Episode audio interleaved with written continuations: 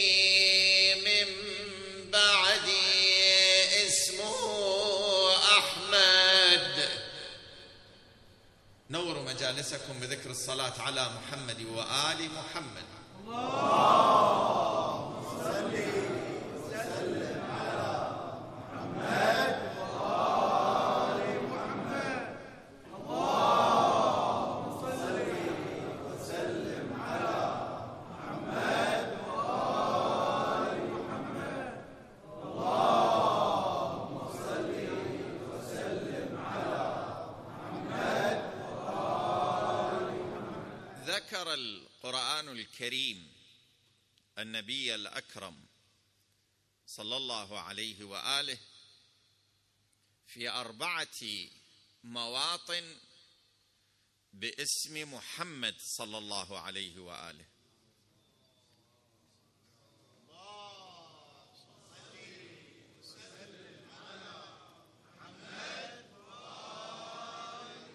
وذكره في موطن واحد في آية واحدة باسم أحمد.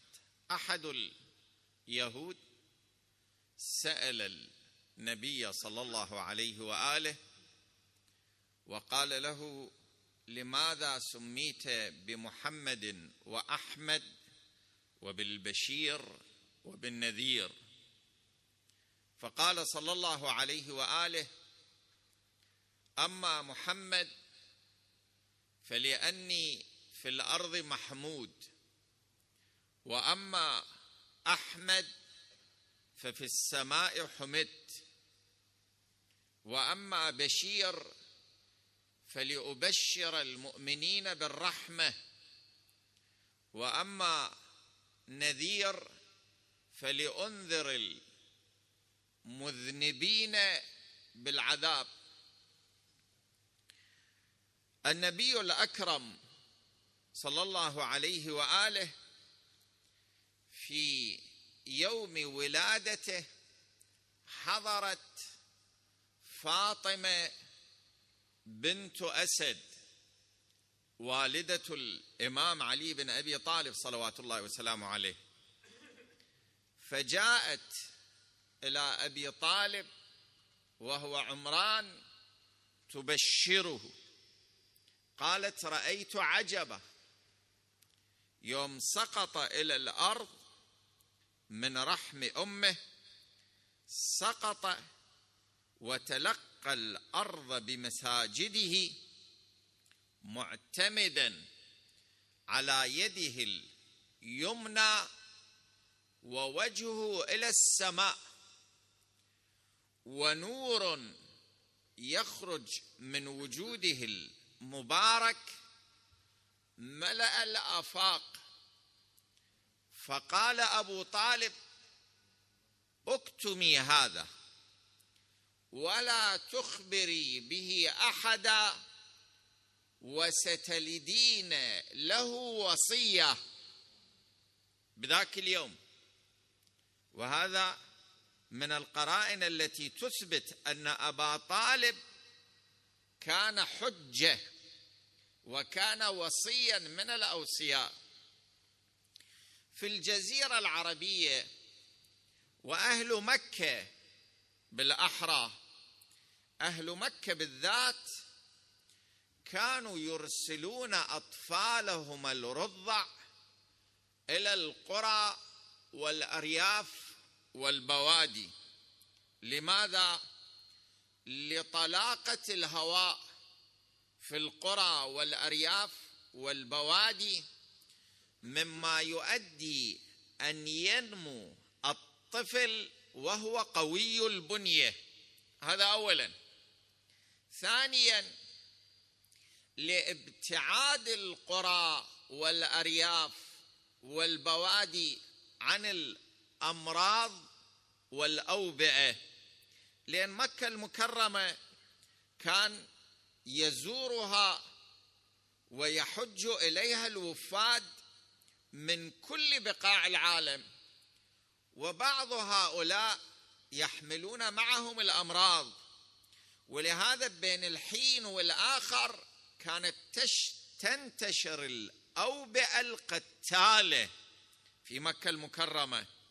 وإلى يومنا هذا الذين يريدون الذهاب إلى الحج شوف يضرب ابر السحايا وبعض المعقمات وبعض المضادات واللقاحات قبل أن يذهب.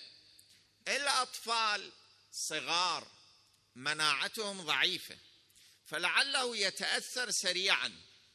فكان يرسلوه إلى البادية والقرى والأرياف لكي لا يصاب بهذه الأوبئة. هذا من جانب ثاني. من جانب ثالث لغة أهل مكة كانت مشوبة بلغات وبكلمات وبلهجات باعتبار من مختلف بقاع العالم يجون. وكل واحد من هؤلاء يحمل لغة خاصة ولهجة خاصة. هذه كانت تنتقل فالذي يكبر في مكة في كلامه مختلف المفردات مفردات العربية مو سليمة. أما الذين يعيشون القرى والأرياف والبوادي لا مفرداتهم عربية سليمة. فلكي يحافظوا على لغة أبنائهم من تدخل بقية اللغات والمفردات كان يرسلوهم. شايفين الآن مثلا بعض الدول اللي هي مركز تجاري مثلا فرض دبي. دبي إذا تروح الشيء الغريب تشوف أهل السوق يتكلمون اللغة الروسية اللغة الهندية اللغة البنغالية اللغة الفارسية. ليش؟ لأن تداخل ومجيء الوفاد والزوار يجعلهم يتكلمون شيئا فشيئا تصير مفردات يعني لغة العربية تصير مشوبة. يتكلم شوية عربي شوية إنجليزي شوية هندي شوية روسي وهكذا إلى أن يكبر. فنفس الشيء مكة المكرمة كان يأتيها الوفاد فحفاظا على لغة الأم لأبنائهم وأطفالهم كانوا فترة الصبا يرسلوهم إلى القرى والأرياف إلى أن تثبت عنده لغة الأم ثم بعد ذلك يأتون بهم. من هنا كانوا يتخذون الظئر الظئر يعني المرضعة. لأن طفل صغير دا يودوا فكانت المرضعات هذا فرد عمل عندهم. فرد عادة. المرضعات في كل عام يأتين إلى مكة المكرمة ويأخذن الأطفال. الرضع ياخذوا سنتين ثلاثة أربعة وفي قباله يأخذون أجور في قبال أنها ترضع الطفل وتربيه وتطعمه وتكبره إلى أن يكبر وتأتي به. بنو سعد نساؤهم عرفن بالجمال وبحسن الأخلاق وبحسن الخلق والطباع. من هنا مرضعات بني سعد كانت مرغوبات لدى أهل مكة. أقبلت النساء. النبي الأكرم صلى الله عليه وآله قد ولد وعبد المطلب ينتظر مجيء المرضعات. لما سمعت المرضعات أن عبد المطلب وهو كبير مكة عنده رضيع تسابقنا إليه. ليش؟ لأن هذا سيد البطحاء عنده أموال. صحيح هو حفيده ولكن بالنتيجة هو اللي متبني. ابن ابنه تسابقنا إليه لأن هذا راح يعطيهم الإكرام. زائد شرف للمرأة أنها ترضع حفيد كبير مكة وهو سيد البطحاء المشكلة وين؟ كل ما كانوا يأتون بمرضعة وتلقم ثديها النبي صلى الله عليه وآله كان يرفضه. مرضعة واثنان وثلاث. هاليوم رأيت في الرواية أكثر من ثلاثمائة مرضعة جاءت لإرضاع النبي وكان يرفض وكان يرفض وكان يرفض إلى أن جيء بحليمة السعدية. عبد المطلب سألها ما اسمك؟ قالت حليمة السعدية قال حلم وسعد أو سعد تفأل تفاءلوا بالخير تجدوه حليمة السعدية صدرها الأيمن ثديها الأيمن كان قد جف من اللبن لا يضر فيه اللبن. ورضعت على بعض النصوص تسعة وعلى بعض النصوص اثني عشر من الأولاد أو الأطفال من ثديها الأيسر. الآن أخذت النبي صلى الله عليه وآله يريدون يشوفون هذه يتقبلها هذا الطفل أم لا. وضعته على ثديها الأيسر رمى بنفسه على ثديها الأيمن. أرجعته إلى ثديها الأيسر رمى بنفسه إلى ثديها الأيمن. وهي متريد. لأن تدري إذا صار يرضع من ثديها الأيمن وما بي لبن راح يرفضها. يعني عبد المطلب ما راح يعطيها الطفل. فهي ما تريد تكون البداية بثدي يابس. آخر الأمر. قالوا لها ست إيش خايفة؟ خليه على الثدي الأيمن يشوف ما بي لبن بعدين حوليه إلى الثدي الأيسر. أصيب بعاهة بسبب بآخر لم ترضع منه أحدا من الأطفال. ما إن أخذه النبي الأكرم صلى الله عليه وآله وجعله في فمه حتى در فيه اللبن وامتلأت شدقاه. صلوا على محمد وعلى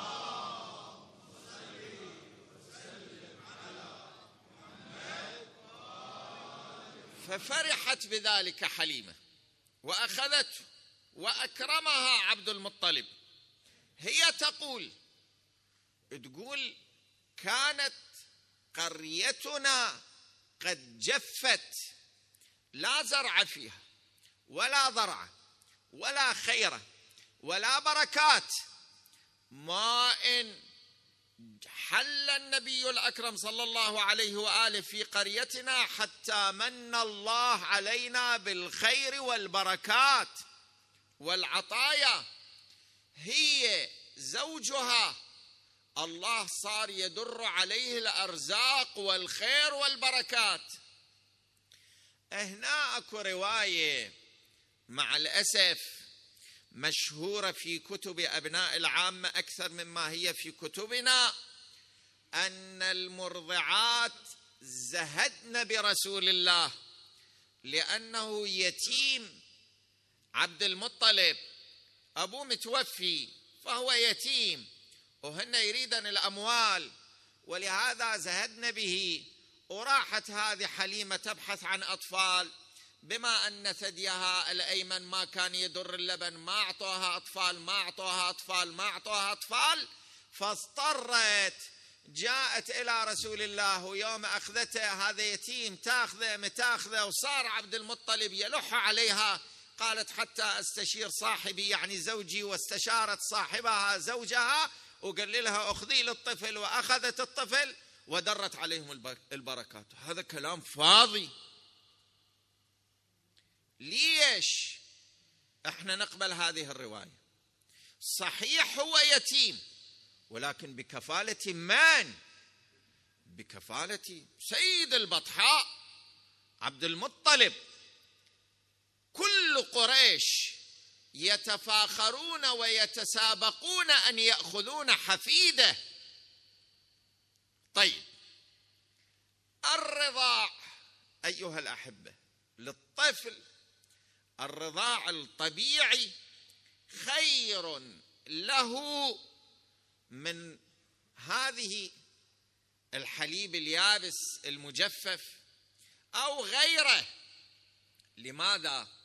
لأن ثدي الأم يتناغم مع جسد الطفل ونموه يعني نسبة اللبن والدسومة في اللبن والفيتامين في اللبن قلة وكثره تتناغم مع نمو الطفل. ويعطيه ولهذا الآن طبيا ثابت أن أفضل لبن للطفل هو لبن أمه. إلا ما خرج بالدليل الأم تكون مريضة أو أكو مشاكل في لبنها ولكن اللبن هو لبن الأم. هذا من جانب. من جانب ثاني لبن الأم بمناعه وبلقاح من الأمراض. هذه المادة الصفراء اللي تخرج قبل اللبن ومع الأسف كثير من الأمهات يذبن هاي المادة الصفراء. هذا لقاح ضد شلل الأطفال وما شلل الأطفال هذا اللباء اللباء يعطي مناعة. في بادي الأمر جدا مر. بعدين يخف مع الحليب شيئا فشيئا يرتضعه الطفل فتصير عنده مناعة من الأمراض. هذا ما موجود في الحليب المجفف وفي الحليب الطازج من الأبقار وما شابه ذلك. هاي اثنين. ثلاثة الطفل لما يرضع الرضاع الطبيعي في الحين الذي يرضع من أمه هو يرضع منها العاطفة أيضا. لما تلمه إلى صدرها هو يرتضع لبنا حليبا وحنانا وعاطفة. ولهذا الطفل لا بد له من الحنان والعاطفة. إذا الطفل عدم من الحنان والعاطفة لما يكبر لو يكبر وهو بليد أو يكبر وهو معقد والعياذ بالله. ليش؟ لقلة العطف والحنان. ولهذا إذا شايفين الطفل الرضيع عاده لما يرضع الثدي في فمه ولكن عينه بوجه أمه. إذا كانت فرحة هو يفرح وياها. شافها مبتسمة يبتسم معه شافها حزينة غضبانة هو أيضا يحزن ويغضب. إذا بكت بكى. عينه بعين أمه عينه بوجه أمه. ياخذ منها لبنا وحنانا وعاطفة. هذا ما موجود. لا في حليب الأبقار ولا في الحليب المجفف. بعدين الرضاعه الطبيعي بفائدة لنفس الأم. الآن طبيا يقولون مما مو سبب كامل وعلة تامة. مما يقي الامهات من سرطان الثدي هو الرضاع الطبيعي. الأم التي ترضع ابنائها رضاعا طبيعيا عادة تكون أبعد عن سرط عن سرطان الثدي من الأم التي ما ترضع ابنائها ولهذا تشوفون اليوم بين حين وآخر فلانه مصابه بسرطان في ثديها وعملية استئصال. هاي كارثة. هاي أربعة. خامسا الرضاع الطبيعي أسلم شرعا من الحليب المجفف وأمثاله. لماذا؟ لأن هذا الحليب حلال طاهر زاكي. إما هذا الحليب المجفف بحاجة إلى كالسيوم. الكالسيوم من من يستخرجوا اليوم روحوا إلى المواقع إلى الجوجل. الكالسيوم يستخرجوه من أحد اثنين. إما من بعض الأحجار أحجار ياخذوها يطحنوها اللي بيها مادة الكالسيوم ويخلطوها مع الحليب أو من عظام الحيوانات. زين هذه الحيوانات شنو من عظام؟ شنو من حيوانات؟ الحليب جاي لك مستورد من أوروبا حليب فرنسي أصلي. زين هناك ماذا عندهم؟ كثرة الخنزير أجلكم الله. هذه عظامة ماكو احتمال تيبس وبعدين تطحن ويخلوها مع الحليب مثلا. أو عظام حيوانات أخرى حيوانات بحرية حيتان وما شابه ويمكن من الأحجار ويمكن من أمور أخرى. لا نعلم ما هو المكون. بعدين أنت منذ الطفولة تعطي لهذا الطفل الميتة. والمحرمات وعندنا في مضمون الروايات أن أكل الحرام يقسي القلب ويحبب الذنب إلى القلب ويضعف الهمة ويورث موت الفجأة. والآن تشوف أطفال استوى صاير شباب يركض وراء الحرام يلهث وراء الحرام. لأن منذ الصغر وكلناه حرام وإحنا ما ندري. بعد شوف بعد أربعين سنة خمسين سنة ما صاير. ذهبت همته. بعد الآباء في السابق تذكروهم. عمره ثمانين سنة يدور على وحدة حديثة ويجيب منها خمسة ستة من الأطفال. هسه صاحبنا عمره أربعين سنة ما أدري أقل أكثر يأخذ منشطات ليش؟ يضعف الهمة ويورث موت الفجأة. النوبة الدماغية والنوبة القلبية. هذه شنو هذه؟ هذه كلها موت الفجأة. إذا يورث موت الفجأة. يا سبحان الله! هذا كله من جانب. ورأيت تقرير علمي. أن الأطفال الذين يرتضعون من أمهاتهم الرضاع الطبيعي هؤلاء في الكبر أبعد من الإصابة بمرض السكر. أبعد. لأن من الأمور التي تورث مرض السكر هذه المشروبات الغازية بيبسي سفن آب وكل ما هنالك من مشروبات فيها هذه الغازات هذه تصير سبب لمرض السكر وهشاشة العظام ولكن الرضاع الطبيعي يجعل الطفل أبعد من الإصابة بمرض السكر. اليوم موضة الأم تريد تحافظ على رشاقتها وأناقتها وأنا صدري بعد ما ينطي لبن وحليب وتروح للطبيب راسا يكتب له حليب. خلاص. كل أم تتعرض إلى ضعف في اللبن فترة الرضاع. لما يضعف ويقل عندها اللبن ما عليها إلا أن تكثر من أكل السمك والتمر. يدر عندها اللبن. الرمان يدر عندها اللبن. لا كل ذن هيك. هو هذا الحليب اللي تريد تعطيه للطفل هذا حليب الأبقار الطازج أي شيء هي تشرب. لما تشرب يدر عندها اللبن. اذا الرضاع. من هنا التأكيد. طيب فأعطي النبي الأكرم صلى الله عليه وآله إلى حليمه السعدية. أكو رأي يقول أن النبي في هذه الفترة فترة أربعة أشهر إلى أن جاءت حليمة السعدية وأخذته أرضعته ثويبة. ثويبة كانت أمة عند أبي لهب. أعتقها فأرضعته ثويبة. وثويبة هي أيضا أرضعت حمزة عم النبي صلى الله عليه وآله. ولهذا لما كبر النبي صلى الله عليه وآله في مرة من المرات وصفت له ابنة حمزة. قالوا له أخذ هذه بنت عمك حمزة. قال ولكن حمزة أخي في الرضاع.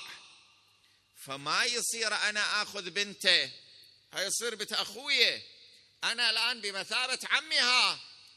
وفي الرواية أن الله تبارك وتعالى يخفف العذاب عن أبي لهب لأن جاريته أرضعت النبي صلى الله عليه وآله. البعض مي يقبل هذه الرواية. يقول هذه من أقبلها. ليش؟ يقول لأن النبي صلى الله عليه وآله كان من طبعه أن لا يجعل فضلا ومنة لكافر عليه. وأبو لهب كافر وتوعده الله بالعذاب. هذا من جانب. من جانب آخر ليش هي أمة آمنة ما ترضعه هسه طلعوه برا مكة من أجل البادية والفصاحة والبلاغة ومن أجل الصحة والمناعة والابتعاد عن الأوباء والأمراض. ولكن طالما هو في مكة لماذا أمه ما أرضعته؟ وأمه ما كانت مصابة بشيء بمرض أو شيء هي التي ترضعه. لماذا ثويبة؟ الكلام والتشكيك مو بعيد عن الحقيقة. ولكن أيضا لا يستبعد لأن ثويبة كانت معتقة. نعم بعض النصوص تقول أرضعته بعض الأيام. إذا كانت معتقة اذا هي مو ملك لأبي لهب. والنص ما يقول جارية أبي لهب يقول مولاه مولاه يعني كانت اما عنده ثم أعتقها. ليش أعتقها؟ في الرواية لما ولد النبي صلى الله عليه وآله ثويبه بشرت أبا لهب بولادة النبي فاعتقها. بذاك الوقت أبو لهب ما كان عنده عداوة النبي صلى الله عليه وآله. النبي لما أعلن النبوة صارت العداوة. لأن هو كان يريد زعامة قريش وقال هذا لو صار نبي راح زمام الأمور تنتهي إليه وصار عداوة. إما بذاك اليوم ما كان أكو عداوة بين النبي وبين أبي لهب. فأعتقها كرامة لأنها بشرته برسول الله صلى الله عليه وآله. فما هو المانع أن الله تبارك وتعالى يخفف عنه العذاب في نار جهنم كرامة للنبي الأكرم الحبيب المصطفى محمد صلى الله عليه وآله.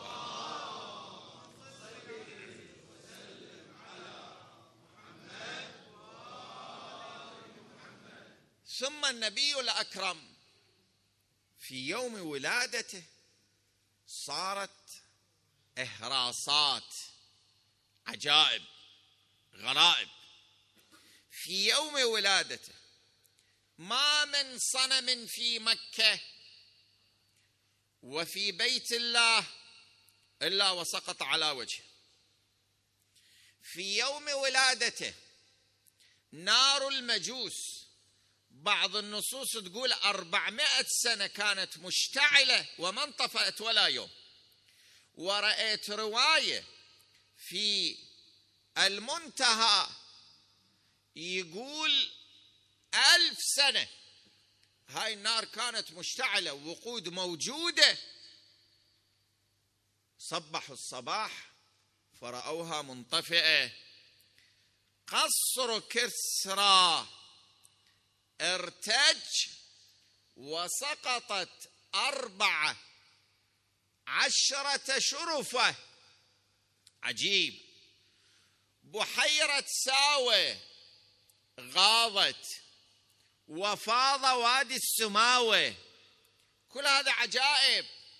بعد إبليس عندما ولد عيسى على نبينا وآله وعليه السلام منع هو وجنوده من ثلاث سماوات. يعني السماء السابعة والسادسة والخامسة. يوم ولد النبي صلى الله عليه وآله منع من أن يدخل كل السماوات. صبح الصباح إبليس وجماعته وجنده شافوا أن السماوات قد ملئت حرسة. ممنوع. بل ما من كاهنة إلا وانقطع عنها ساحرها صاحبها وما من سحر إلا وبطل. عام كامل. هذن الكاهنات عندها صاحب. صاحب منو يعني؟ يعني الجن يخبرها بالأمور. أحيانا صح وأحيانا خطأ. هذه انقطع عنها. أحيل بينهم. بل أكثر من ذلك كانت قريش. وذكرت لكم البارح اصيبوا بالقحط والحرمان والجوع. وإذا لما ولد النبي الأكرم صلى الله عليه وآله الله أنزل عليهم البركات نزلت عليهم الأمطار وأخرجت الأرض خيراتها وصاروا في نعمة وافرة. كل ذلك ببركة النبي الأكرم الحبيب المصطفى محمد صلى الله عليه وسلم. هذه بإشارات يعني هذا سيقضي على الأصنام على عبادة الأصنام وعلى عبادة النيران وسيهز الأكاسر والجبابرة في العالم. وسيكون وجوده مباركا وأكثر من هذا كما ذكرت لكم. يوم ولد نور كان يخرج من وجوده المبارك يشق أعنان السماء وهو يقول الله أكبر كبيرا والحمد لله كثيرا. سبحان الله بكرة وأصيلا. صلوا على محمد.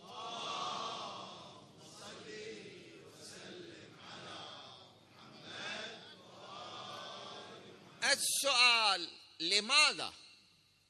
ليش لازم ولادة النبي مصحوبة بمجموعة من الإرهاصات؟ كل الأنبياء هكذا.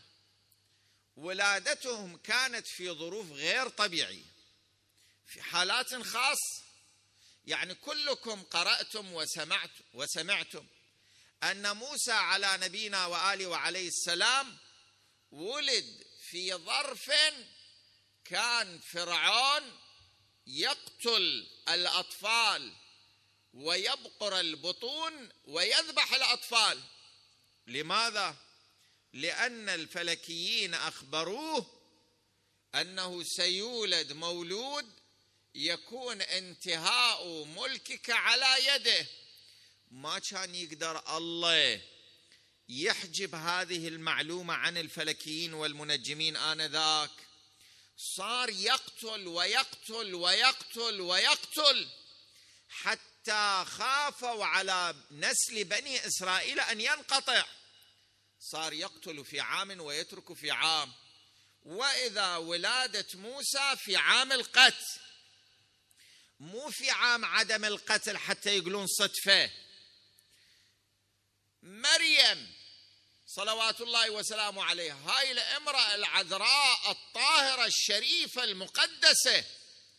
الله عرض سمعتها إلى الخطر وصاروا يتكلمون الكلام البذيء عليها. مو بإمكان الباري أن يجعل ولادة موسى ولادة في ظروف طبيعية. يجعل ولادة عيسى من اب وفي ظروف طبيعية وبعدين لما يكبر يعلن عن نبوته ويدعو الناس إلى الله. لا القضية أكبر. هذا صاحب رسالة هذا صاحب شريعة هذا صاحب منهج بحاجة إلى إعلام. بحاجة إلى دعاية بحاجة إلى تبليغ. فلا بد وإن ياتي إلى الدنيا وأنظار العالم متوجهة إليه. بعدين منذ الصغر يشوفون هذا منذ الصغر حياته مو طبيعي كلها معاجز. عيسى يولد من دون أب. وبعدين لكي يثبت أنه من دون أب والعياذ بالله مو من الحرام. فأشارت إليه قالوا كيف نكلم من كان في المهد صبيا؟ قال إني عبد الله. آتاني الكتاب وجعلني نبيا وجعلني مباركا أينما كنت. لو عيسى ما متكلم كانت أمه هي المتهمة. ولكن الإعجاز ثبت صحة قولها. فمن جانب توجيه أنظار العالم إليه يخلون حياته تحت المجهر. من جانب ثاني يشوفون كله غيب واهراصات ومعاجز يعرفون هذا مسدد من قبل السماء. إذا باكر عقبة أعلن عن النبوة وقال أنا نبي وأنا رسول يصدق ولا ينكر نبوته إلا جاحد. من هنا نرى الاهراسات دقق. ثم النبي الأكرم صلى الله عليه وآله كان بارا بمرضعاته. يعني ثويبة اللي كانت جارية عند أبي لهب. النبي كان دائما يتذكرها ويتفقدها يرسل إليها العطايا والهدايا إلى السنة السابعة من الهجرة. اخبروه للنبي قالوا له ماتت. قال ما عندها ذرية ورثة؟ قالوا لا. النبي الأكرم صلى الله عليه وآله بعد أن تزوج من خديجة. فرد يوم إجت حليمة. حليمة السعدية أصابهم الفقر والحرمان والجوع في قريتهم فجاءت إلى النبي صلى الله عليه وآله. هاي أمه من الرضاعة.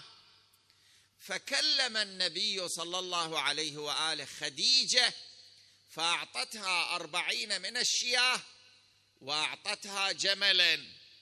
أعطتها جملا. رجعت هي وزوجها إلى قريتها. في العام القادم جاءت هي وزوجها وقومها بين يدي رسول الله وقالوا أشهد أن لا إله إلا الله وأن محمدا رسول الله.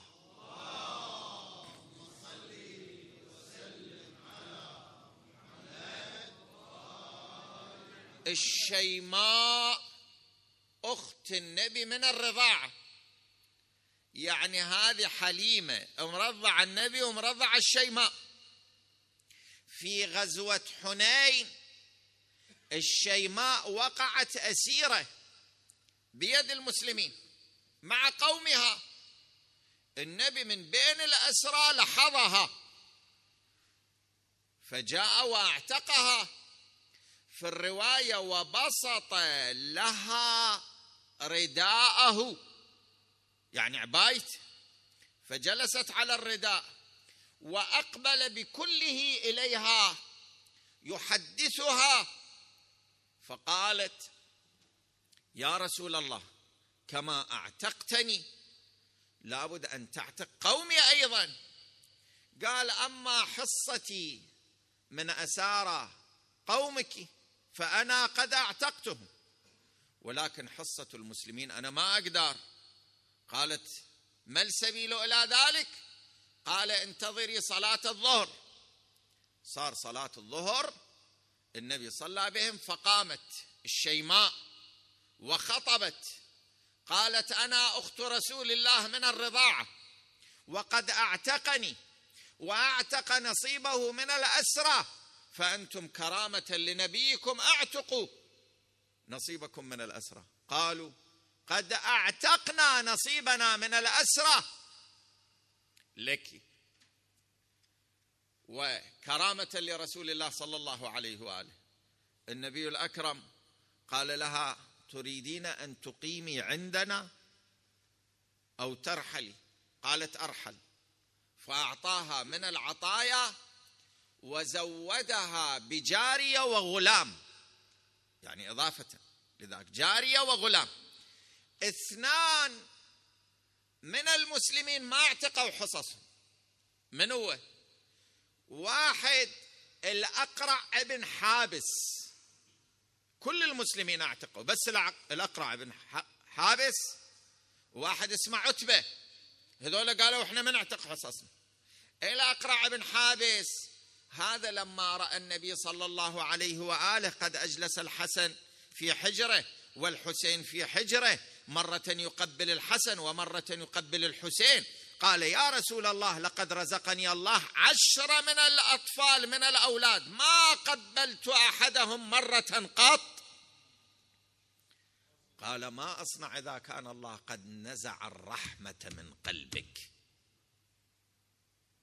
في الرواية من قبل ولده فكأنما أعتق رقبة من ذرية إسماعيل. شنو يعني؟ شنو يعني؟ لأن هذا الطفل إذا ما اعطيته عاطفة كافية يكبر معقد يكبر حقود يبدأ يسجن هذا ويسجن هذا ويسجن هذا. الأبرياء المؤمنون يجعلهم في السجون. إما إذا أنت قبلته وامه قبلته واعطيتوه عواطف وحنان من يكبر ما يصير معقد وحقود يظلم الناس ويسجنهم. فكأنما أعتق رقبة من ذرية إسماعيل أو من ولد إسماعيل. هو هذا. قال لا أنا ما أعتق نصيبي. واحدة من اسمه عتبه النبي قال لا بأس. عند أسارة وغلمان آخرين. في قبان نصيب أعطى لكل واحد من هؤلاء ستة من العبيد وأخذ نصيبهم وقدم إلى الشيماء. هدية. ومع ذلك أعطاها غلاما وجارية. هي قامت زوجت الجارية من الغلام وأخذتهما ورحلت. ودخل عليه أخوه من الرضاعة. شافوا النبي ما عار له أهمية. قالوا يا رسول الله دخلت عليك الشيماء وعرت لها أهمية بسطت لها ردائك ها واعتقت لها الأسارة واعطيت لها الهدايا. ويوم قامت النبي راح يودعها.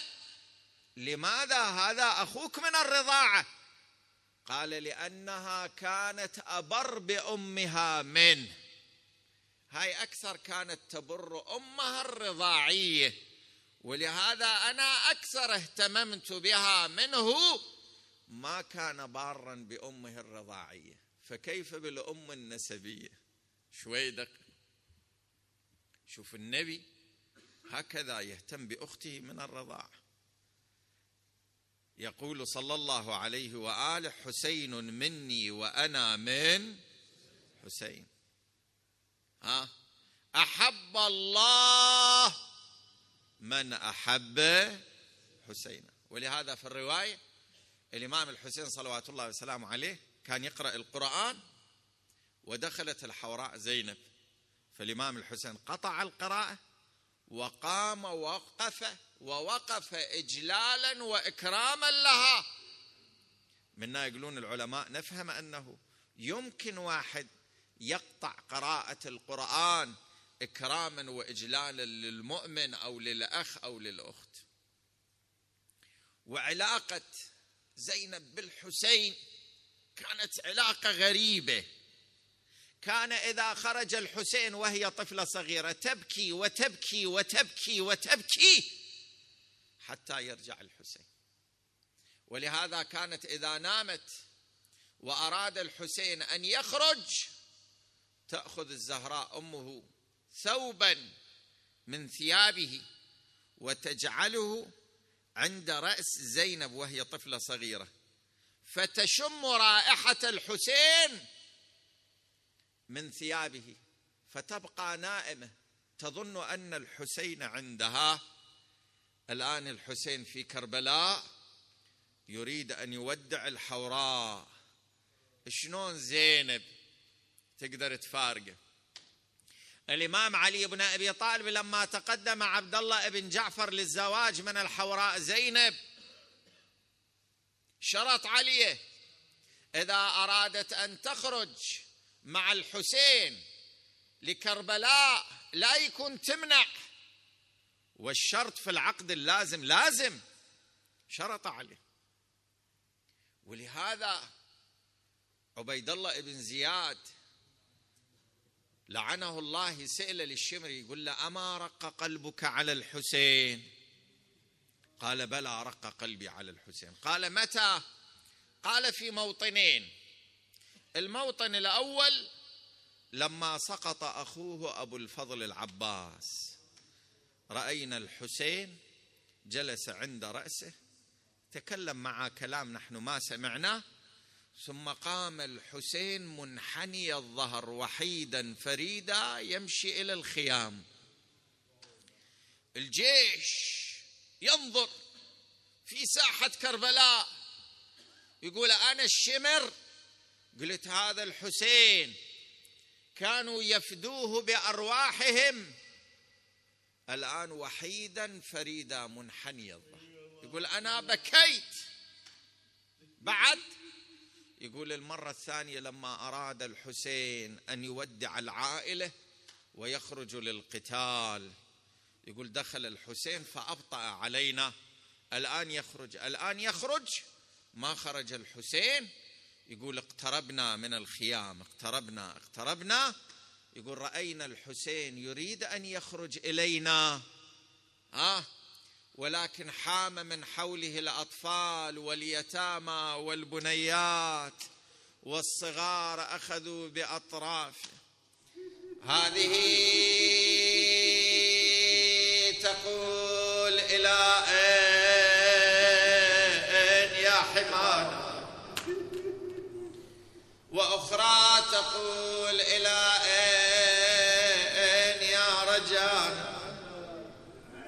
وثالثة تقول أبا أبا إذا أظلم الليل من يحمي حمان توجه الحسين.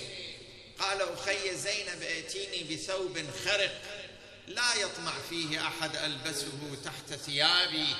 لأن يعرف هؤلاء سيسلبونه ثيابه. فجاءته بتبان وهو الثوب القصير. قال أخي زينب هذا ثوب من ضربت عليه الذلة. أنا ابن علي بن أبي طالب. جاءته بثوب آخر خرقه ولبسه تحت ملابس تحت ثيابه. ثم الحسين راح يلتفت يمينا وشمالا. الفارس أيها الأحبة الفارس لما يريد يخرج للقتال يأتون له بالجواد. الحسين ما عنده أحد من الرجال حتى يأتي إليه. من ذا يقدم للجواد؟ ولامتي والصحب صرعى. والنصير قليل فاتته زينب بالجواد تقوده والقلب من فرط المصاب. عليل تقول أخي أرأيت أختا قدمت لأخيها فرس المنية ما أقسى قلبي. ثم الحسين ودع العائلة ودع النساء ودع الأطفال حانت منه التفاتة قال أخي زينب ما لي لا أرى عزيزتي سكينة؟ قالت أخي هي في كسر الخيام. دخل عليها رآها جالسة وقد وضعت رأسها بين ركبتيها وراحت تبكي. قال بني ما دهاك قالت أبا وكيف لا أبكي وأنا أراك؟ قد استسلمت للموت. قال بني وكيف لا يستسلم للموت؟ من لا ناصر له ولا معين. قالت إذا ردنا إلى حرم جدنا. قال هيهات بني لو ترك القطع لغفى ونام سيطول بعدي. يا سكينة فاعلمي من كل بكاء إذا الحمام دهاني. لا تحرقي قلبي بدمعك حسرة ما دام من الروح في جثماني. فإذا قتلت فأنت أولى بالذي تبدينه يا خيرة النسوان. ثم ودعها ومضى. مشى الحسين خطوات. وإذا بطفله لآل عقيل في الثالثه أو الرابعه من عمرها قالت مهلا أبا عبد الله قف لي يا نور عيني. أخذها الحسين. وأجلسها على قربوس فرسه. بني ما دهاكي؟ قالت عم أبا عبد الله أنا ظمانه أنا عطشانه وقد أخبرت عمومتي بظمئي وعطشي فوعدوني بالماء منذ الصباح إلا أنهم ذهبوا ولم يرجعوا الي قال بني أنا ماض إليهم وسأخبرهم بظمئك وعطشك. قالت عم أبا عبد الله تذهب وترجع ذاك يطول عليه. ولكن خذني إليهم علهم إذا رأوا ظمئي وعطشي يرقوا علي قال لا بلى بلى بني ولكن إذا أنا أخذتك فمن يردك إلى الخيبة؟ صاحت بها مولاتنا زينب بني انزلي فلقد قطعت نياط قلوبنا.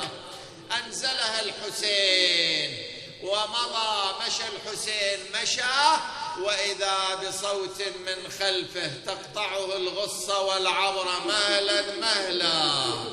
يا ابن الزهراء التفت الحسين وإذا به يرى الحوراء زينب. حافيه تعدو على رمضاء كربلاء تقوم تارة وتجلس أخرى وهي تنادي نور عيني يا حسين. ثمرة فؤادي يا حسين. أخي يا أبا عبد الله قف لي يا نور عيني. وقف الحسين. أخي زينب لماذا خرجت في هذه الساعة؟ قالت أخي أبا عبد الله أنا عندي حاجة. قال سلي حاجتك. نور عيني قالت انزل من على ظهر جوادي. واكشف لي عن نحرك وعن صدرك. فنزل من على ظهر جواده وكشف عن نحره وعن صدره. فقبلته في نحره. وشمته في صدره ثم وجهت وجهها نحو المدينة امه فاطمة. استرجعت الأمانة وأديت الوصية. أخي زينب أي أمانة؟ أي وصية؟ قالت أخي أبا عبد الله لما حضرت أمنا فاطمة الوفاة أجلستني في حجرها وقبلتني في نحري وشمتني في صدري. ثم قالت بني زينب هذه أمانة. إذا رأيت أخاك يوم كربلاء خرج وحيدا فريدا. فقبليه في نحره. وشميه في صدره. قالت لاخويا أبو علي عندي بعد حاجة ومن حقي أسأل هذه الحاجة. قالت. قال سلي حاجتك. قالت أخي أبا عبد الله أنا ردت أسألك هذا السؤال في الخيام ولكن رأيت عيون الأطفال والنساء والبنيات واليتامى. ما قدرت أسألك ولهذا خليتك تبتعد قال سلي يا نور عيني. قالت لاخويا أنا اللي راح أتكفل اليتامى من بعدك صحيح؟ قال بلى. قالت أخي أخبرني أنت ماض إلى القوم أترجع إلينا أم لا ترجع؟ يا أخويا قول لا تخفي. تخفي.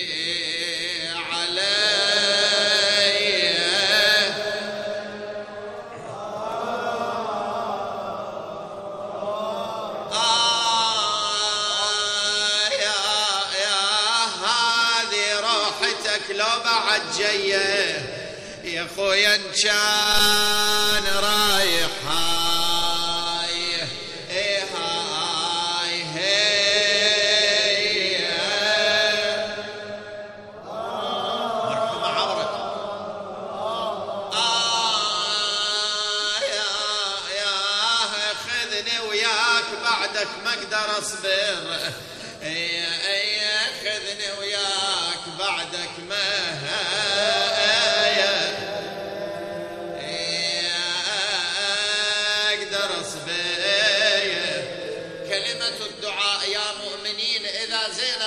تصبر ماذا يصنع الحسين؟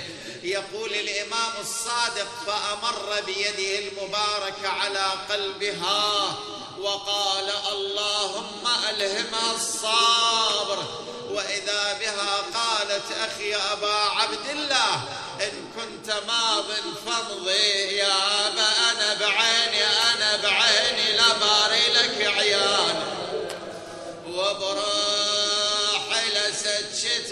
أطفالك. يا خويا الموت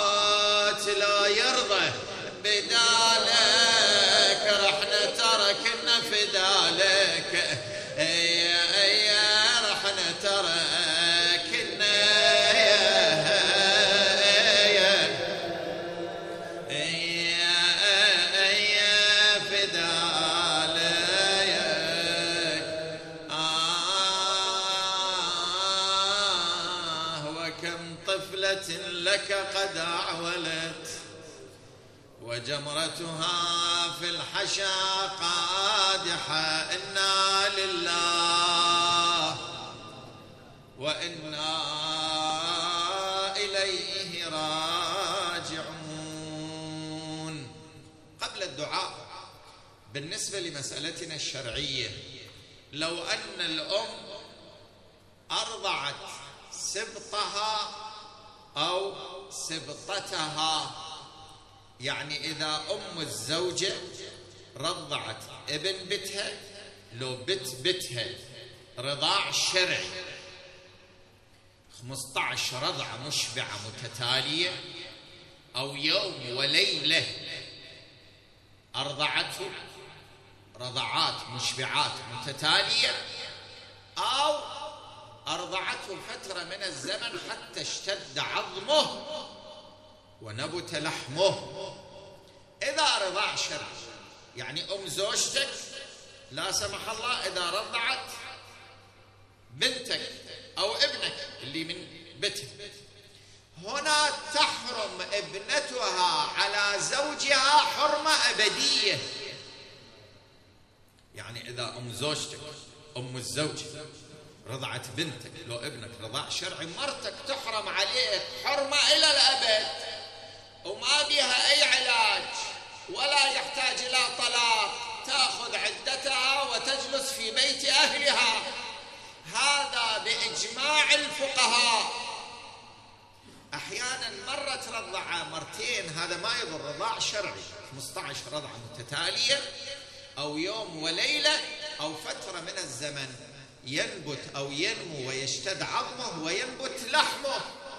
إذا هالشكل صار يصير حرام. ما عندنا أي حال. كثير يحصل. الأم جابت وباقي بالمستشفى تعالج ويجيبون الطفل بالبيت. تقوم البيبية أم الأم. ترضع يومين وثلاثة وأربعة وأسبوع وأسبوعين إلى أن تطلع بتها من المستشفى. هنا بتها اللي بالمستشفى تصير حرام على رجلها إلى الأبد. ما إلى أي حال. شايفين إذا واحد لا سمح الله مرته طلعت من البيت وحادث سيارة دهس سيارة دعمتها وماتت. رحت هذا اللي هيك حالة تصير عنده يعتبر زوجته ماتت. خلاص. هذا حكم الله. لقضاء الحوائج وشفاء المرضى تلاوة الآية الكريمة خمس مرات. بأعلى أعلى أصواتنا. أعوذ بالله من الشيطان الرجيم. بسم الله الرحمن